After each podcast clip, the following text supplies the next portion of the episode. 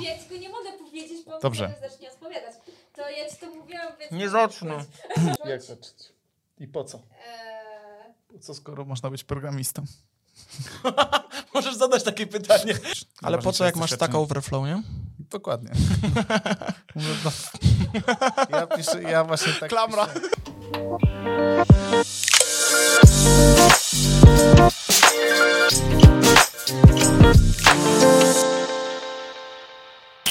Cześć, dzień dobry. Witam w kolejnym odcinku podcastu Division.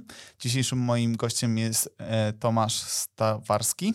Dobrze powiedziałem? Dobrze pomyliłem powiedziałeś, nie pomyliłeś. Fantastycznie. Wielu myli, ale ty nie pomyliłeś. Z, z Tomaszem będę dzisiaj rozmawiał o trochę o tematach finansów w świecie IT, a także o roli IT administratora.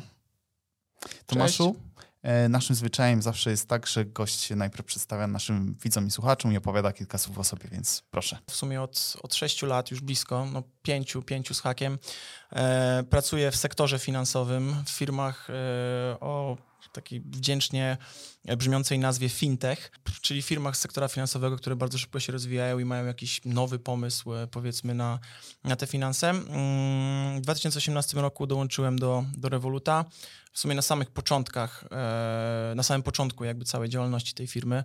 E, Firma co prawda oficjalnie miała już tam blisko półtora roku, natomiast ten cały biznes dopiero ruszał, było to zaraz po pierwszym jakby finansowaniu, e, które spółka dostała E, i miałem tą przyjemność, bo tak to, tak to muszę określić od samego początku, mm, być w tej firmie i ją rozwijać, e, a szczególnie rozwijać sektor tej technologii, czyli wszystko to. Wielu ludzi kojarzy technologię z, z, tylko i wyłącznie z deweloperką, czyli z programowaniem. E, Moja technologia jest troszkę inna. Ja, ja bardziej odpowiadam za to, co dzieje się za plecami pracowników, czyli za to, żeby pracownicy mieli na czym pracować, żeby mieli gdzie pracować, e, żeby mieli wszystkie dostępy. Jest to bardzo blisko połączone z, z działem security, czyli z bezpieczeństwem. Siedem miesięcy temu zmieniłem troszkę klimaty, e, klimaty pod kątem nazwy, natomiast ciągle jest to, jest to sektor finansowy i dołączyłem do firmy Shares. Pewnie z wielu, wielu z Was jeszcze o tej firmie nie słyszało, więc tutaj takie krótkie może intro, bardzo, bardzo krótkie. Tworzymy taką platformę social mediową do inwestowania. Chcemy, chcemy pokazać, że inwestowanie jest dla każdego i jednocześnie w naszej aplikacji będzie możliwość uczenia się tego, tego inwestowania, dzielenia się swoimi osiągnięciami bądź porażkami. Jednocześnie e, rok temu założyłem swój własny startup. E, o tym pewnie będziemy zaraz rozmawiać. Jest to firma TechWipy. Pomagamy innym firmom e, w takim skalowaniu się technologicznym. To jest chyba takie najkrótsze określenie tego, co, e, co robimy, mm, czyli dostarczamy sprzęt wszędzie, gdzie tylko pracownik zaczyna w tej erze pracy hybrydowej, czyli często pracownicy zaczynają z domu. My pomagamy, żeby ten pracownik przed, przed rozpoczęciem pracy w firmie był mm, all set up, czyli całkowicie gotowy i od pierwszego dnia mógł bardzo żwawo i, i płynnie przejść do tego, co, e, co należy do jego obowiązków. Wejść w projekt, a nie siedzieć przez dwa tygodnie i zastanawiać się, gdzie są moje dostępy. E, Tak, generalnie no to, to, wynika, to wynika w sumie z autopsji, z mojej autopsji, e, czyli z pracy w Revolucie, z pracy zarówno w Sharesach, no i w, ogólnie w znajomości tej całej branży, nie tylko fintechowej, ale ogólnie startupowej. Firmy, które rozwijają się bardzo szybko, e, potrzebują jakiejś zewnętrznej pomocy, ja tak teraz uważam, stąd ten pomysł na TechWipaja. Mm, W Revolucie e, w takim szczycie, można powiedzieć, zatrudnialiśmy e, blisko 200-300 pracowników e, na miesiąc. E, Są to liczby, które po prostu mm, aż, aż, aż się kręci w głowie, jak się o nich słyszy. Wiadomo, że przy takiej dynamice firmy jest też wiele ludzi, którzy, którzy odchodzą z firmy, no jest to naturalne, więc również był problem z offboardingiem, czyli z tym, żeby ten sprzęt od pracownika odebrać, żeby mieć pewność to, że pracownik nie ma już dostępów do jakichś danych poufnych firmy.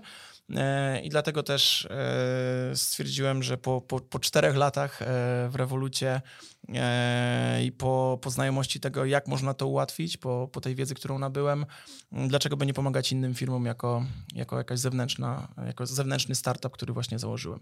A to pracowałeś jeszcze w rewolucie na początkach pandemii? E, Zasadniczo tak. Ja przez tą całą pandemię e, przebrnąłem, można powiedzieć. E, No z Revoluta odszedłem 7 miesięcy temu. Już można powiedzieć, że ta pandemia troszkę jakby zniknęła w pewnym sensie, przynajmniej o niej, o niej zapomniano. Natomiast tak, pracowałem tam, kiedy pandemia wybuchła.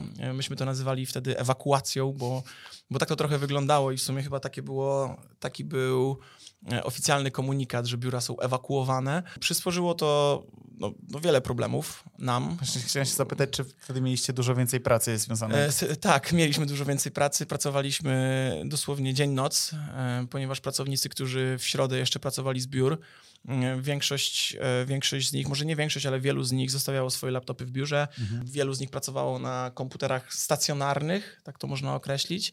Mm, To wielu z nich po prostu następnego dnia, jak we wtorek pracowali w biurze, następnego dnia w środę rano musieli zacząć pracę mm, z domów, e, bo takie, takie było po prostu policy.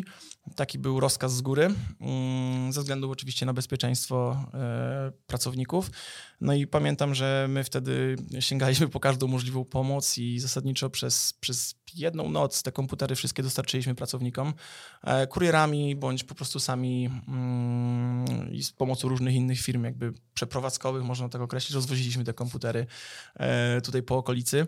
Mm, Było to, no było to crazy bardzo. E, Pamiętam, pamiętam tą noc i, i, i była ciężka, ale z, z drugiej strony no jest to super doświadczenie, które później nam pokazało, że jak się chce, to, to wszystko się da zrobić.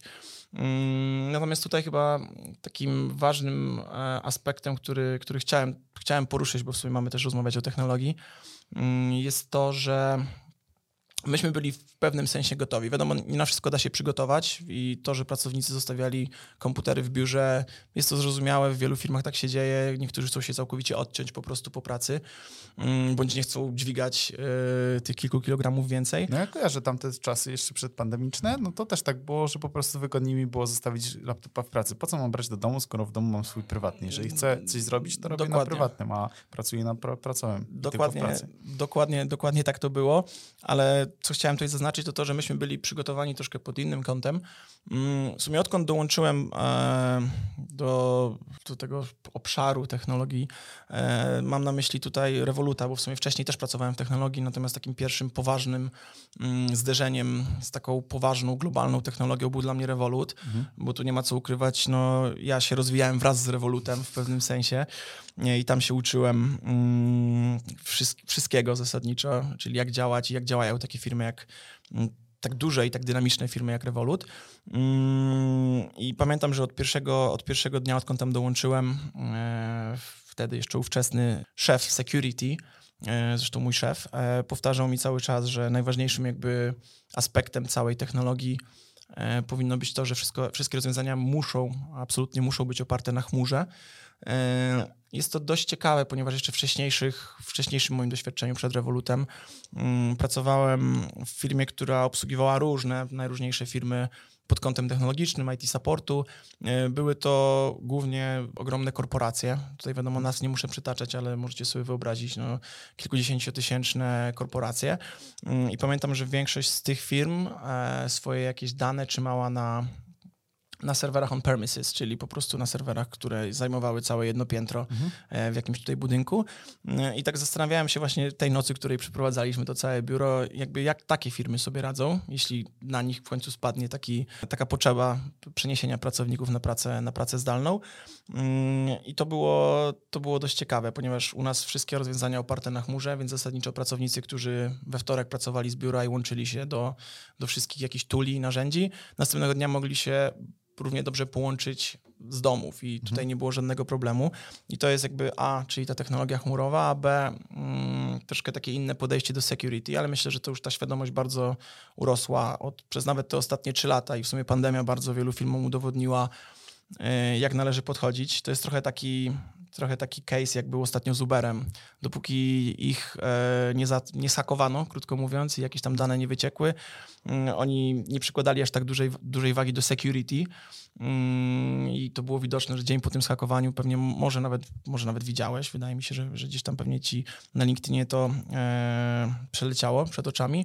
Oni ogłosili chyba 10 pozycji w security, nie? że nagle zatrudniają. E, no i oczywiście nie chcę powiedzieć, że cały świat miał z nich pośmiewisko, natomiast no, obiło się to szerokim echem w tym, w, tych, w tym środowisku naszym technologicznym. Całe security teraz skupia się bardziej na security, technologia, e, skupia się na takim podejść, podejściu do zabezpieczeń urządzeń końcowych, czyli dawniej większą uwagę przykładało się do tego, żeby w biurze sieć była super zabezpieczona, żeby nikt się do niej nie mógł włamać i e, tego typu, tego typu sprawy. Natomiast od pewnego czasu, w sumie od, w mojej karierze to od samego początku można powiedzieć, czyli od, od, od Revoluta, mm, skupiliśmy się na tym, żeby zabezpieczać urządzenia końcowe, czyli zasadniczo pracownik dla nas może podłączyć się do jakiejkolwiek sieci, jeśli nasz system wykryje, że ta sieć jest jakoś w pewnym sensie niebezpieczna, czy wolelibyśmy, żeby niej się nie podłączał, bo nie ma określonych zabezpieczeń, no to wtedy go po prostu wycina i zasadniczo musi iść i podłączyć się do innej sieci.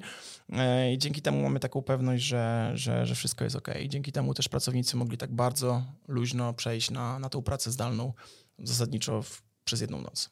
Taka jest nasza rola w pewnym sensie i mówi się o tym, że IT jest najlepsze wtedy, kiedy się o nim w ogóle nie słyszy. Nie wszyscy to rozumieją, ja, ja tak uważam. Tak, I- zawsze, zawsze chciałem mieć gościa e, właśnie z IT administratora, z którym mógłbym porozmawiać i zadać, go, zadać mu pytanie, po co wy jesteście, bo jak nic się nie dzieje, no to kto was tutaj zatrudnił, a jak coś się zepsuło, to znaczy, że nie, nie zadbaliście. No, no tak to mniej więcej jest, nie? Dokładnie, dokładnie tak to Niewdzię, wygląda. niewdzięczna rola. Wiesz Ale co, nie, jasne. znaczy paradoksalnie jest, jest w sumie wdzięczna. Zależy na kogo trafisz, nie? E, I zależy do czego, mm, jakby za co jesteś odpowiedzialny, bo wielu ludziom, i w sumie to było śmieszne, bo ja jeszcze jak byłem w Revolucie, już zajmowałem tam pozycję, to był Global Tech Manager, czyli taką w sumie najwyższą technologiczną pozycję, zarządzałem całym teamem technologicznym w Revolucie nie? i wielu ludzi mówiło do mnie, że o, o IT admin, ten gościu z, jakby z supportu, nie? Wielu ludzi kojarzy nas tylko i wyłącznie z supportem, czyli jak komuś coś jak, się myszka, zepsuje. jak mi się zepsują baterie do myszki albo wysiądą baterie w myszce, to idę, żebyś mi dał nowe baterie. Tak, żebym ci wymienił baterię, albo jak powiesz ci, że ci ekran się zepsuł, no to ja mówię ci włącz komputer, znaczy wyłącz komputer i go następnie włącz, nie? I wszyscy, wielu ludziom wydaje się, że jakby to jest całe IT i wszystko, co my robimy i wiele innych teamów oczywiście opiera się tylko i wyłącznie na tym, ale właśnie to powiedzenie, które tutaj wcześniej przytoczyłem, ono, ono jest tak dobre, że, że po prostu aż prawdziwe, no bo my robimy dużo rzeczy, które nie są widoczne dla tego end usera, po prostu.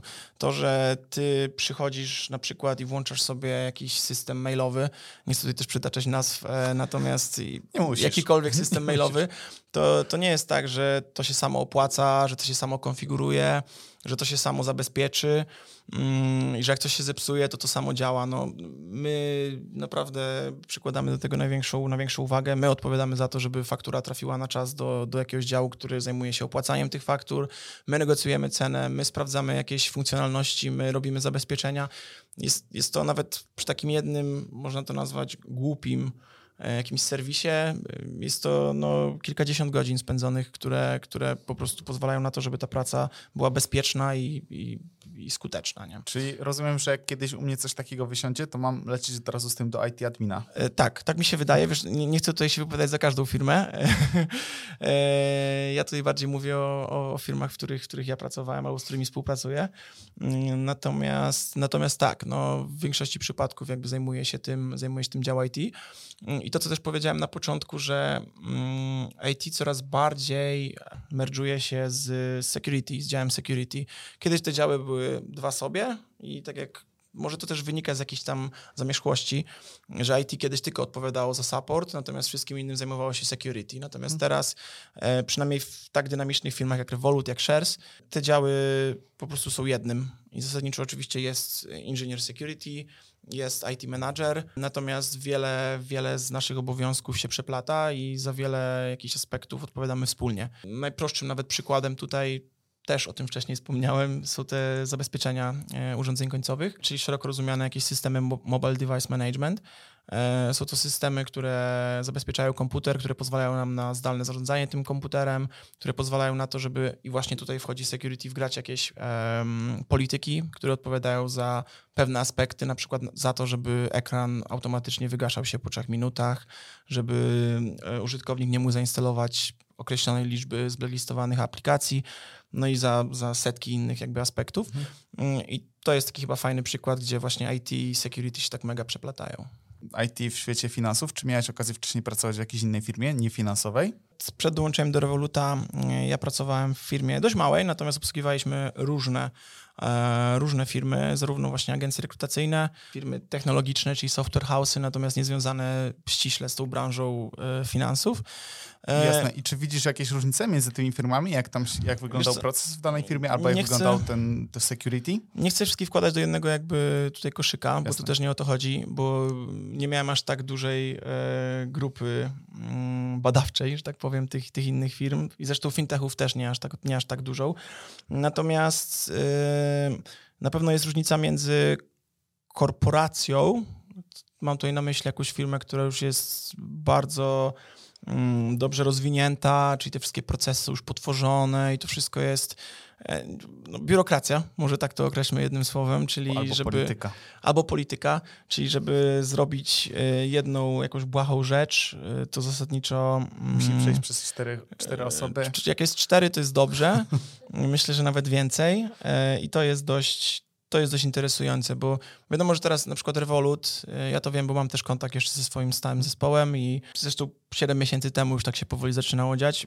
On przechodził taką troszkę właśnie mm, przemianę z takiego startupu, z unicorna w taką korporację, czy- już te procesy były na tyle rozwinięte e, przy, wiesz, pięciu tysiącach pracowników, którzy pracowali tam na co dzień zasadniczo, no to już jakieś procesy musisz mieć. To nie może być już takie coś, że e, coś sobie wymyślisz, następnego dnia to robisz. Natomiast jak ja tam dołączyłem i przez myślę, że dwa lata, dwa i pół roku, wszystko działo się zasadniczo tak, że wymyśliłeś coś, ok, no to działajmy, sprawdźmy jak to działa, nie? Wprowadźmy to, najwyżej się... w- Cofnie.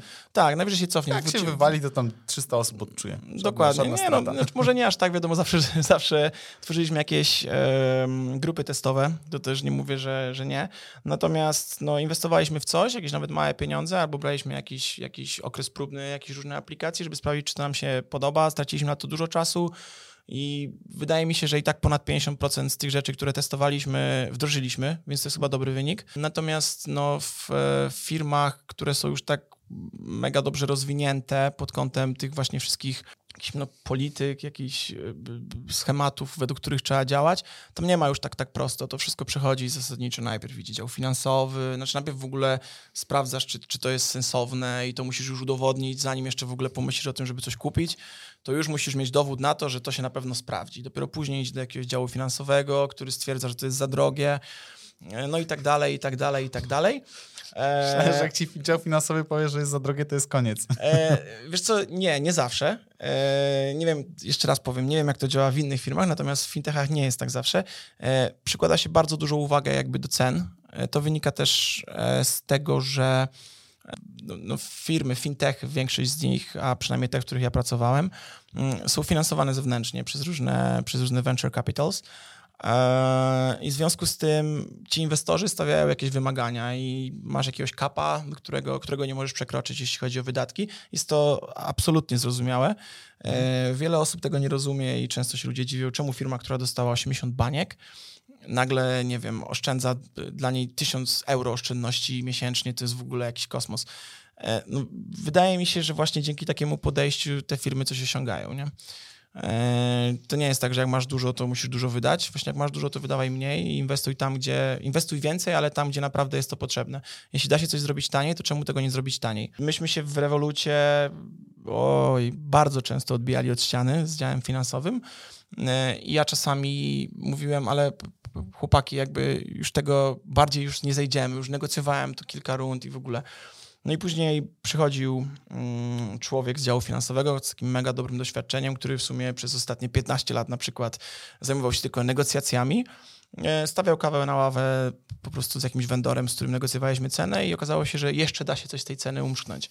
E, więc no, jest, to, jest to dość interesujące, natomiast tak to działa. Doświadczenie robi swoje. E, tak, tak, tak mi się wydaje. No tak, tak to wygląda i wydaje mi się, że właśnie, że w tych, w tych dynamicznie rozwijających się firmach da się zrobić wszystko, tylko trzeba naprawdę fajnie poszukać, trzeba spędzić na tym kupę czasu, żeby tą cenę wynegocjować, żeby to wdrożyć i możliwe, że jak to wdrożysz, to następnego dnia to całkowicie zlikwidujesz, więc trzeba mieć też taką anielską cierpliwość. Mm, Natomiast w takich korporacjach już bardziej rozwiniętych, no tam już masz jakiś schemat postępowania i zasadniczo wiesz, co możesz, czego nie możesz, więc za pewne rzeczy nawet nie masz się po co za, zabierać. I jest to dość, dość ciekawe, bo wiele z tych firm mm, nawet no, ma już wdrożone jakieś rozwiązania, które działają u nich przez 10 lat na przykład ostatnich i oni może zdają sobie sprawę z tego, że jest coś innego, może nawet lepszego na rynku, może nawet tańszego, ale jakby zmiana, zmiana Proces wdrażania nowego narzędzia. na tak, tyle proces wdrażania, likwidowania starego i przeniesienia Mhm. wszystkich pracowników do jakiegoś nowego narzędzia, no to jest po prostu no, niewyobrażalna, niewyobrażalna ilość pracy i ja się w sumie też trochę nie dziwię, że, że te firmy po prostu nie robią tego, nie? Ja, ja jak y, w Revolucie przeprowadzałem rozmowy kwalifikacyjne jeszcze na samym początku zatrudnienia teamu, to takim moim, e, taką moją kartą przetargową zawsze było, jeśli zauważyłem, że kandydat jest taki bardzo proaktywny i widzę, że bardzo go może przekonać to, że będzie mógł się tutaj spełniać, bo Revolut był taką firmą, Share zresztą też taką są, w której każdy ma coś do powiedzenia. To nie jest tak, że zostajesz zatrudniony jako junior IT admin na przykład i ty jako junior IT admin to dostajesz kartkę z wytycznymi i zasadniczo siedzisz i klepiesz Tylko, tikety, tylko, nie? tak, tikety, wysyłanie laptopów, dziękuję, do widzenia. Nie, no właśnie, właśnie tak, tak nie do końca jest. Oczywiście są czasami, są, to jest też du- duży element pracy, natomiast chodzi głównie o proaktywność i jak zauważyłem, że ktoś jest bardziej proaktywny i potrzebował takiego impulsu do tego, żeby go też przekonać, bo było też wielu kandydatów, których myśmy przekonywali jako firma, żeby, żeby do nas dołączyli. E, właśnie przekonywałem ich tym, że jakby słuchajcie, dzisiaj masz jakiś super pomysł, my następnego dnia go wprowadzamy i po prostu nie, że dla całej firmy, testujemy, masz na to jakiś tam budżet, działamy i zobaczymy, zobaczymy co się stanie, nie? I w sumie tak było. To było tylko na początku. Znaczy nie tylko na początku, no wiesz co, e, już pod koniec jakby przez ostatni rok w sumie e, mój w Revolucie już jakby team był już na tyle dobrze rozwinięty i zbudowany, że myśmy troszkę przystopowali z zatrudnieniem, jeśli chodzi o technologię, czyli w sensie o mój team. Jeszcze jakieś tam rozmowy, które prowadziłem e, pod sam koniec, no już tam chyba nie używałem takiego argumentu. E, natomiast no, mi, mi na samym początku zależało bardzo na ludziach proaktywnych, czyli nie na ludziach, którym ja będę musiał wytłumaczyć wszystko. Znaczy, wytłumaczyć to jest jeden, jeden aspekt, wiadomo, że trzeba wytłumaczyć, jak ktoś przychodzi do nowej firmy, ale e, już po pewnym okresie ich czas, po pewnym okresie ich pracy, jakby ja nie chciałem podchodzić do nich i mówić, dzisiaj robisz A, B, Mhm. C i No, D. nie, nie tworzysz za, dla nich listy zadań, tylko Dokładnie. żeby sami wiedzieli, czym się zająć. Tak, mikro, mikromanagement jest chyba najgorszą rzeczą, jaka może kogokolwiek spotkać, zarówno jakby menadżera, jak i użyję tego słowa, choć go nienawidzę, podwładnego. No są też tacy ludzie, nie? E, tylko, że tacy ludzie moim zdaniem jakby nie za bardzo poradzą sobie w takim środowisku startupowym. Może znowu wszystkich włożyłem do jednego koszyka, ale coś, co jest dynamiczne i jakby firma, która jest mega dynamiczna, firma, która zatrudnia kilkaset osób miesięcznie i firma, w której dzisiaj jakby otwieramy rynek azjatycki, otwieramy tam 5 biur, a za tydzień otwieramy rynek amerykański i otwieramy tam 20 biur, a my jeszcze nawet nie wiemy we wtorek o tym, że w środę dostaniemy decyzję, że do czwartku ma być otwarte biuro gdzieś tam w Afryce na przykład, e, no to tam trzeba być proaktywnym, bo jak nie jesteś proaktywny, no to jakby zarówno dla twojego teamu, jak i dla samego siebie, no ty się wykończysz po prostu, a, a twój team no nie będzie z ciebie zadowolony. Bo rozmawialiśmy o tutaj o różnicy, jakie, jaka występuje między właśnie tymi finansowymi branżami, a twoją tą pierwszą firmą, w której pracowałeś.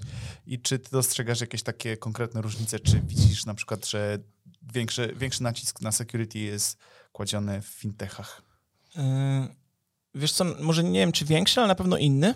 Mhm. E, Jest dużo różnic. Jakby security troszkę inaczej działa i często No to... właśnie mnie, ten se- sektor finansowy zawsze się kojarzył z tym, gdzie największy jest nacisk kładziony na security, że wszystkie dane pod kloszem, No do żadnych tak. chmur nie wpychamy, bo przecież to nas wszystkim nie, musimy... nie, nie. Właśnie, właśnie paradoks tego wszystkiego polega na tym, że chmura jest dużo bardziej bezpieczna niż coś, co trzymasz sam sobie i dużo mniej kosztowna. Kiedyś em, jakby jak zobaczył jakiś tam rachunek, wycenę za jakąś chmurę, którą chciałem wdrożyć, bodajże w rewolucie, to mówi, Jezu, co tak drogo, nie?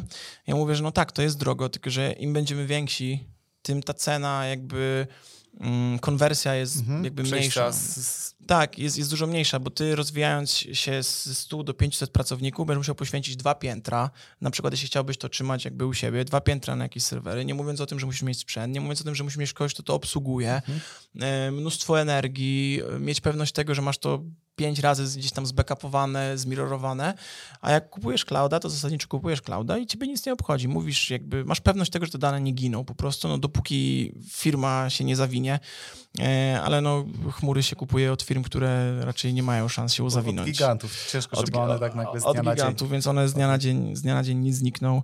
No właśnie Mm. też słyszałem, że jednym z takich em, fajnych aspektów chmury jest to, że odciąża ciebie z obowiązku Utrzymywania. e, utrzymywania. tych danych i to, że jeżeli coś by się stało, jeżeli by wypłynęły jakoś te dane, no to bo ja miałem Umywasz, umywasz rączki, no wiadomo, że to są często, to nie często, serwery, nie często, często twoje jakby dane, nie? Jakieś dane twoich customerów, natomiast no robi się wtedy jakiś taki łańcuszek, nie? że ktoś ciebie obwinia, ty obwiniasz kogoś i zasadniczo ty wychodzisz jakoś z twarzą z tego wszystkiego. To, co już tam wcześniej powiedziałeś, chcę do tego wrócić, że w fintechach ci się wydawało, że często, że zawsze jest tak, Mhm. że mm, kładzie się ogromny nacisk na security. Tak, kładzie się ogromny nacisk na security i to wynika też z tego, że istnieje wiele regulacji, wiele organów regulacyjnych związanych z, z licencjami bankowymi, z, związanych z licencjami na jakąś działalność, mm, czegoś, co na przykład ma świadczyć usługi sprzedaży mm, jakichś akcji, mm, które wymagają od nas pewnych zachowań i które wymagają od nas nawet pewnych procesów i te procesy jakby na początku wydają się takie, jeju, o co im chodzi, nie? Czemu tak? A jak później zaczynasz się to zagłębiać i odpowiadać na te pytania, to okazuje się, że wszystko to, co jakby wdrożyłeś przez ostatnie tam x miesięcy, czy te wszystkie jakby zabezpieczenia, mobile device management, jakieś zabezpieczenia sieciowe, jakieś e, zarządzanie dostępami, że to wszystko w sumie pokrywa te ich pytania, tak na dobrą sprawę. E, więc jakby te organy regulacyjne, one idą z duchem czasu. To, to, to widać strasznie, naprawdę. E, I to jest, to jest mega fajne. Mm, I to jest jakby security jest, jest troszkę inne. No. Już pomijając nawet te serwery, o których mówiliśmy i to, że się przechodzi już na clouda, e, jest też właśnie, tak jak powiedziałem, skupia, cała uwaga security skupia się na użytkowniku końcowym, na urządzeniu końcowym. Nie dba się już o to, co się dzieje wcześniej, czyli ciebie interesuje tylko to, żeby zabezpieczyć ostatni punkt, który, mo, który może być tym, tą bramą do wycieku danych. Okej, tu mam kolejne pytanie, bo mm, wspominaliśmy tutaj o sytuacji e, z pandemią, kiedy wiele pracowników przenosi się do pracy work from home, Mhm. pracują ludzie z domu. I jak wtedy dbaliście o to, żeby te dane były zabezpieczone? Wiesz co, to, to wszystko było już jakby zadbane. E, jedyny jakiś taki punkt, który tutaj można podnieść jest to, że myśmy nie wiedzieli do końca skąd ci pracownicy będą pracować. Nie? Mhm. Czyli ktoś mógł mieszkać w ośmioosobowym mieszkaniu z totalnymi, z totalnie obcymi dla niego ludźmi i mógł pracować w kuchni na przykład, bo stwierdził, że jego No, trzymetrowy pokój, e, zresztą w Krakowie jest to bardzo możliwe, e, No, trzymetrowy... pamiętam swoje mieszkanie, jedno z wielu, gdzie nie miałem biurka, tylko siedziało się w kuchni i pracował przy parapecie. Znaczy, Dokładnie. wtedy nie pracowałem, wtedy się grało. No, no, a, no to praca jest troszkę bardziej poważna Tak. i zasadniczo ci pracownicy, którzy często pracowali, bo w Krakowie był dział całego supportu, czyli Mhm. e, ludzie, którzy na co dzień na co dzień działali z danymi naszych customerów i to z danymi mega poufnymi. Mm, no, zasadniczo wszystkim, co możecie sobie skojarzyć z, z operacyjnością bankową. Mm, jakby te dane mogły być zobaczone przez kogokolwiek i my nigdy nie wiemy, co ta osoba zrobi z tymi danymi. Też nie wiedzieliśmy, że na przykład dana osoba nie zostawi odblokowanego laptopa i nie pójdzie sobie robić herbaty. E, Nie no, Dlatego też robić w kuchni, to jeszcze pół biedy. W sensie laptop w kuchni, herbata w tak, kuchni. ale, ale równie dobrze ta osoba mogła pracować sobie z kawiarenki, nie Tak. było takiego zakazu, Mhm. z kawiarni na dole mm, pod jej mieszkaniem i, e, i równie dobrze mogła zostawić tego laptopa jakby odblokowanego i pójść po prostu odebrać kawę. Mm, I przez te trzy minuty, nawet do momentu, kiedy ten ekran się automatycznie wygasi, e, no to ktoś mógł do tego laptopa podejść, wykraść jakieś dane, więc na to, na to nie mieliśmy wpływu jako Mhm. takiego i w sumie na to się nie ma wpływu i security trochę działa tak, że e, opieramy się na trochę bardziej poważnych jakby poważnych aspektach, czyli czymś, co, coś, No, czymś poważniejszym, co się Tak może jak stać. podajesz nie? tutaj ten przykład, że ktoś powiedzmy pracuje sobie z kawiarenki i podpina się do sieci, którą e, oferuje dana kawiarnia. Mhm. I czy na to mieliście już wpływ? Tutaj E, wspominałeś kiedyś coś o tym, że mogliście Tak. zdefiniować, czy dana sieć jest w porządku, czy nie. Tak, znaczy zasadniczo większość, większość sieci jest w porządku, nawet tych publicznych, bo... Takich na lotniskach też? Takich na lotniskach też, no jakby wiadomo, że istnieją jakieś tutaj policy firmowe, jakieś IT policy i to nas trochę kryło w tym, że ty musisz zablokować swój komputer. Mhm. Ty musisz mieć pewność, że jeśli pracujesz, to za tobą ktoś nie Okej. stoi i nie wiem, nie patrzy Czyli na to, co ty robisz. ciężar z siebie na pracownika. Trochę tak i, tak i trochę tak to działa. To, to jest taki ciężar, który w sumie nie jest ciężarem na dobrą sprawę, bo jakby e, prawdopodobieństwo tego, że coś takiego nastąpi, że ty sobie pracujesz, a ktoś za tobą stoi i patrzy na to, co ty robisz i później coś z tymi danymi zrobi, nie wiem, zrobi zdjęcie i wrzuci gdzieś, w, gdzieś do publiki, no jest, jest no, mniej, no, bliskie zeru, naprawdę bliskie zeru. E, więc tak jak powiedziałem, na to się tak bardzo nie zwracało uwagi i to się bardziej jakby pokrywało tymi różnymi jakimiś procedurami firmowymi. Natomiast wracając do sieci, no jakby nasze systemy były tak już przygotowane i tak, tak, tak skonfigurowane, żeby ta sieć jakby nie miała jakiegoś większego wpływu, nie? Łącząc się, łącząc się z jakimiś systemami zawsze yy, musiałeś potwierdzić swoją tożsamość jakimś drugim urządzeniem, to się nazywa tak dźwięcznie 2FA, e, czyli two-factor authentication i jakby to nas też zabezpieczało, czyli jest naprawdę bardzo małe prawdopodobieństwo, żeby ktoś się na ten komputer nie wiem, włamał i spróbował coś z tym zrobić, e, używając jakiejś sieci publicznej. A czy zdarzały się takie przypadki, że pracownik mógł pracować ze swojego sprzętu? Na przykład nie dostał od firmy żadnego urządzenia, na którym mógł pracować, a praca musi, musi zostać wykonana, loguje się na swój laptop. Ja się tutaj uśmiecham, bo, e, nie, ogólnie absolutnie nie. Jakby to W jest... waszej firmie, czy w ogóle? W firmach, w których ja pracowałem i w tym, wydaje mi się, takim nowoczesnym podejściu do security, istnieje taki całkowity zakaz tego, żeby pracownik pracował e, z jakimiś danymi e, firmowymi na swoim prywatnym urządzeniu. E, Dla nas, myśmy to już wielokrotnie tłumaczyli działu finansow- e, finansowemu, zarówno w Revolucie, jak i teraz w Szersach, że dla nas dużo mniejszym kosztem jest to, żeby kupić komuś tego laptopa, dostarczyć go i zapłacić jeszcze za 10 różnych licencji, na przykład tego MDMA, niż później e, martwić się tym, że ktoś może te dane nawet nieświadomie stracić, no bo my nie mamy wpływu na to, co ktoś instaluje na swoim prywatnym urządzeniu. No ale nie? właśnie ja kojarzę, że są takie firmy, no, są w jednej takiej pracowałem, gdzie można się było połączyć przez jakiegoś Citrixa czy Tak, tak, inne urządzenie do zdalnego pulpitu zgadza z się. prywatnego urządzenia. Tak, i to jest, to jest dość ciekawy wątek, co teraz, co teraz poruszyłeś. Ym, Jest takie rozwiązanie. My, my korzystamy e, z, z czegoś, co też jest w sumie teraz częścią e, Mobile Device Management, e, z takiego jednego toola, który nam daje nasz dostawca jakby tych usług. E, I to właśnie polega na tym, że dana, e, dany użytkownik, który chce pracować ze swojego laptopa, ale to się raczej, znaczy nie raczej, tylko na pewno to nie są pracownicy internalni, nie? Czyli pracownik internalny nie ma ża- żadnej możliwości, żeby nie pracować na komputerze firmowym. On musi pracować na komputerze firmowym, ale wiemy też, że często są jakieś organy regulacyjne, są e, ludzie z ramienia jakichś funduszy inwestycyjnych, są jacyś kontraktorzy, którzy na przykład pracują dla nas 5 godzin dziennie i tworzą 6 grafik i my wiemy, że ta osoba nie potrzebuje mieć dostępu do jakichś mega mm, poufnych wiadomości albo jakiegoś naszego drive'a firmowego czy coś. Im pozwalamy na takie coś, natomiast oni, tak jak powiedziałeś, muszą się łączyć przez coś właśnie na wzór Citrixa. Nazywa się to Jump Connect. W sumie jak już używamy nas, to mogę chyba to przytoczyć. Pewnie. Eee, I to działa troszkę na zasadzie coś bardzo zbliżonego do VPN-a, Mhm. czyli jakby pracownik tworzy sobie prywatną, prywatną sieć, która jest wydzielona i tylko z tego IP, które ta sieć mu jakby nadaje, on jest w stanie e, mieć dostęp do naszych, do naszych jakichś e, tuli i tylko z tych adresów go jakby puści.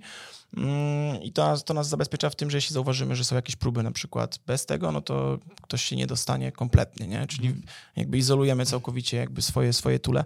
I tak, to jest chyba jedyna jakaś taka możliwość, kiedy ktoś może pracować na swoim prywatnym urządzeniu. Natomiast staramy się nawet tego unikać. Taki stały punkt w naszym programie, kiedy podpytujemy naszych gości o ich największe wyzwania w pracy, z którymi się spotkali. Czy masz jakąś jeszcze historię, którą chciałbyś się podzielić? E, znaczy, jak, jako taką historii nie mam, natomiast jeśli chodzi o te wyzwania, no to oprócz tej historii, którą już tutaj przytoczyliśmy, związaną z e, ewakuacją e, covidową. Podoba, covidową podoba, mi się to, podoba mi się to stwierdzenie. To była ewakuacja. e, ewakuacją covidową naszych biur. No to tych historii tutaj to mógł, myślę, że by nam czasu nie starczyło na pewno dzisiejszego dnia.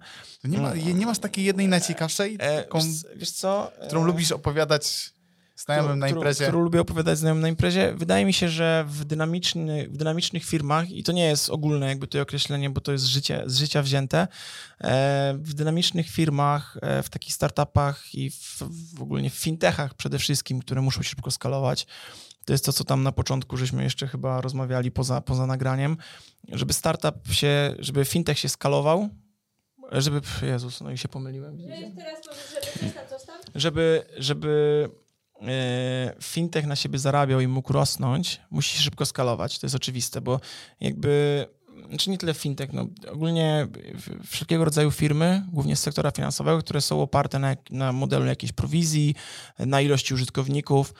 E, przykładowo w Shares my działamy jakby w UK na razie, ale już teraz niedługo będziemy ruszać tutaj w Europie, a później będziemy szli dalej i dalej i dalej, ponieważ nam zależy na ilości jakby customerów. Dla nas najważniejsi są ludzie, którzy będą e, tworzyć tą społeczność, którzy będą inwestować, którzy będą tworzyć content, ponieważ taki jest model biznesowy. E, a żeby się szybko skalować, to musisz szybko się e, rozwijać jakby wewnętrznie, bo skalowanie to, że jakby wejście na jakikolwiek market, zwłaszcza w, w tym sektorze finansowym, to nie jest tak, że ja sobie dzisiaj pomyślę, że jutro sobie otworzę firmę w Wielkiej Brytanii, otwieram i zaczynam tam działać, bo mam już tam status płatnika VAT i wszystko jest fajnie. E, to się wiąże z e, dziesiątkami różnych e, jakichś procedur. Się, z jakąś licencją. regulacje w każdym kraju, w którym chcesz Dokładnie. się otworzyć. Dokładnie. No są to finanse, jest to przepływ pieniądza, więc to samo przez siebie chyba mówi. Mm, A, a rzeczą taką związaną jakby z sektorem technologicznym jest jakieś otwieranie biur albo zatrudnianie pracowników. I takimi wyzwaniami, które myśmy mieli, to jeszcze jest historia w sumie z Revoluta. Eee, No tam się wszystko zmieniało jak w kalejdoskopie troszkę, ponieważ no, to mają do siebie dynamiczne firmy, że jednego dnia planujesz uderzyć, nie wiem, żeby w Ameryce otworzyć firmę, natomiast następnego dnia totalnie zmieniasz i stwierdzasz, jednak, o, jednak nie Ameryka, idziemy do Azji, nie? bo tam bo coś się zmieniło przez noc. E, Natomiast były takie przypadki, że myśmy mieli na przykład tydzień na otworzenie biura w Porto, nie? które e, miało 2,5 tysiąca metrów kwadratowych i miało zatrudnić tam do tysiąca pracowników przez najbliższe trzy miesiące.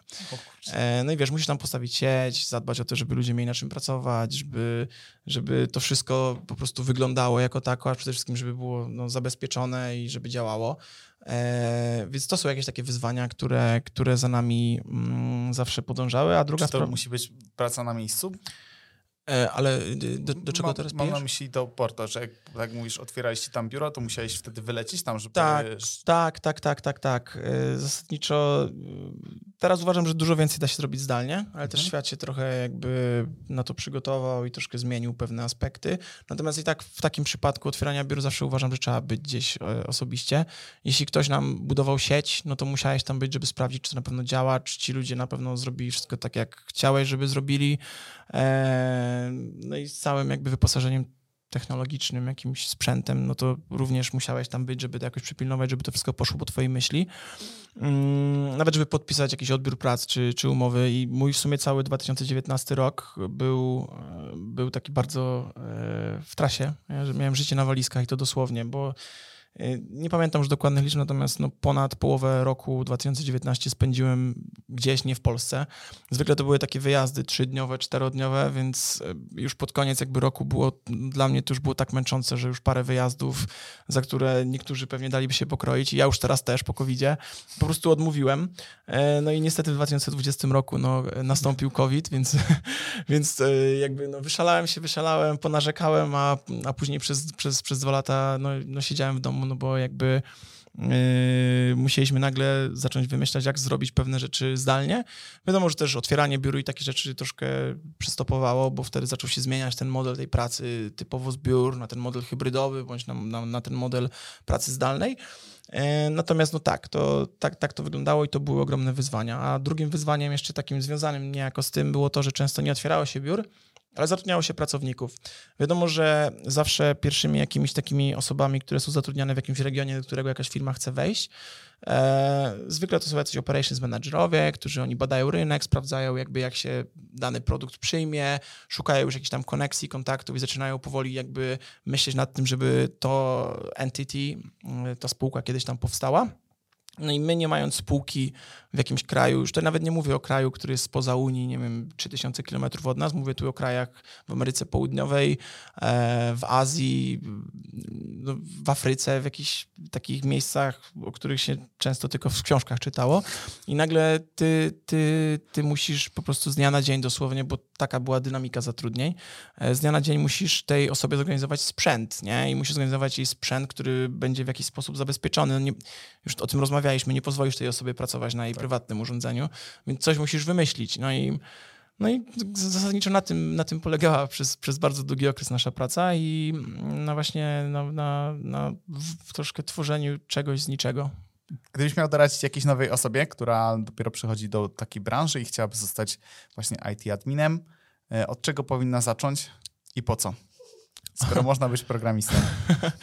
Znaczy, wydaje mi się, że tutaj nawet nie chodzi tylko o tego, od czego osoba powinna zacząć swoją naukę, bo jakby wydaje mi się, że taka rola to nie jest tylko i wyłącznie nauka i w sumie już tak na poważnie odpowiadając, jak zacząć swoją przygodę z zostania IT adminem, jak można być programistą. Wydaje mi się właśnie, że w programistyce jest też wiadomo, że trzeba być do tego stworzonym w pewnym sensie, natomiast tam jest później godziny, setki godzin spędzone nad programowaniem, nad uczeniem się tego, nad rozwojem. E, natomiast IT jest bardzo szerokie. Nie? Jeśli chcesz się dostać na takiego IT, IT admina, który zasadniczo robi wszystko, co jest związane z technologią, bo już tutaj przez, przez tą naszą rozmowę przebrnęliśmy już przez kilka, jak nie kilkanaście różnych jakby aspektów, którymi mhm. my się zajmujemy. Musisz być trochę zajawkowiczem, tak mi się wydaje, czyli w pewnym sensie ta technologia, jakieś takie zamiłowanie do, e, do tych nowości, wiesz, śledzenia jakichś konferencji, to musi być już jakby z tobą od dawien dawna. E, więc to jest taki, wydaje mi się, pierwszy krok. E, ale też wiadomo, nie ma co zamykać drzwi przed kimś, kto chce zacząć swoją przygodę z z, z szeroko rozumianą technologią. Wydaje mi się, że ważną tutaj cechą jest właśnie proaktywność. E, ważną cechą jest to, żeby być bardzo takim otwartym. To jest, to jest mega ważne. E, a najważniejsze jest doświadczenie i taka jest prawda, ponieważ to, że ty nawet znasz, że usiądziesz nad książkami, dowiesz się setek tysięcy rzeczy o jakimś sprzęcie, to ci nie pomoże, dopóki jakby nie przetestujesz tego naprawdę, nie? No nie, tak, nie, ja, nie, nie usiądziesz, ja nie rozwiążesz jakiegoś się, problemu. Domyślam się, że doświadczenie jest najlepsze, bo to nie, nie da się opisać wszystkich przykładów, ani wszystkich przypadków, ale chodziło mi takie właśnie sytuacje, gdzie ktoś nie ma doświadczenia, przychodzi do jakiejś pracy i właśnie ludzie mówią, jak zdobędziesz doświadczenie, to przyjdź do nas. Gdzie to doświadczenie zdobyć? No wiem, no właśnie często, często wiele firm pisze, że y, szukamy kogoś na pozycję junior, studenta drugiego roku z pięcioletnim doświadczeniem, nie? Najlepiej. E, tak, no są takie firmy, ja się z tym podejściem w ogóle kompletnie nie zgadzam i w ofertach pracy, które publikowane były na jakieś pozycje do mojego zespołu, nigdy w życiu takie coś się nie pojawiło. Pojawiało się jakieś doświadczenie, oczywiście to jest ważne, natomiast za doświadczeniem szły już jakieś, nie wiem, konkretniejsza rola, nie? Konkretniejsze obowiązki.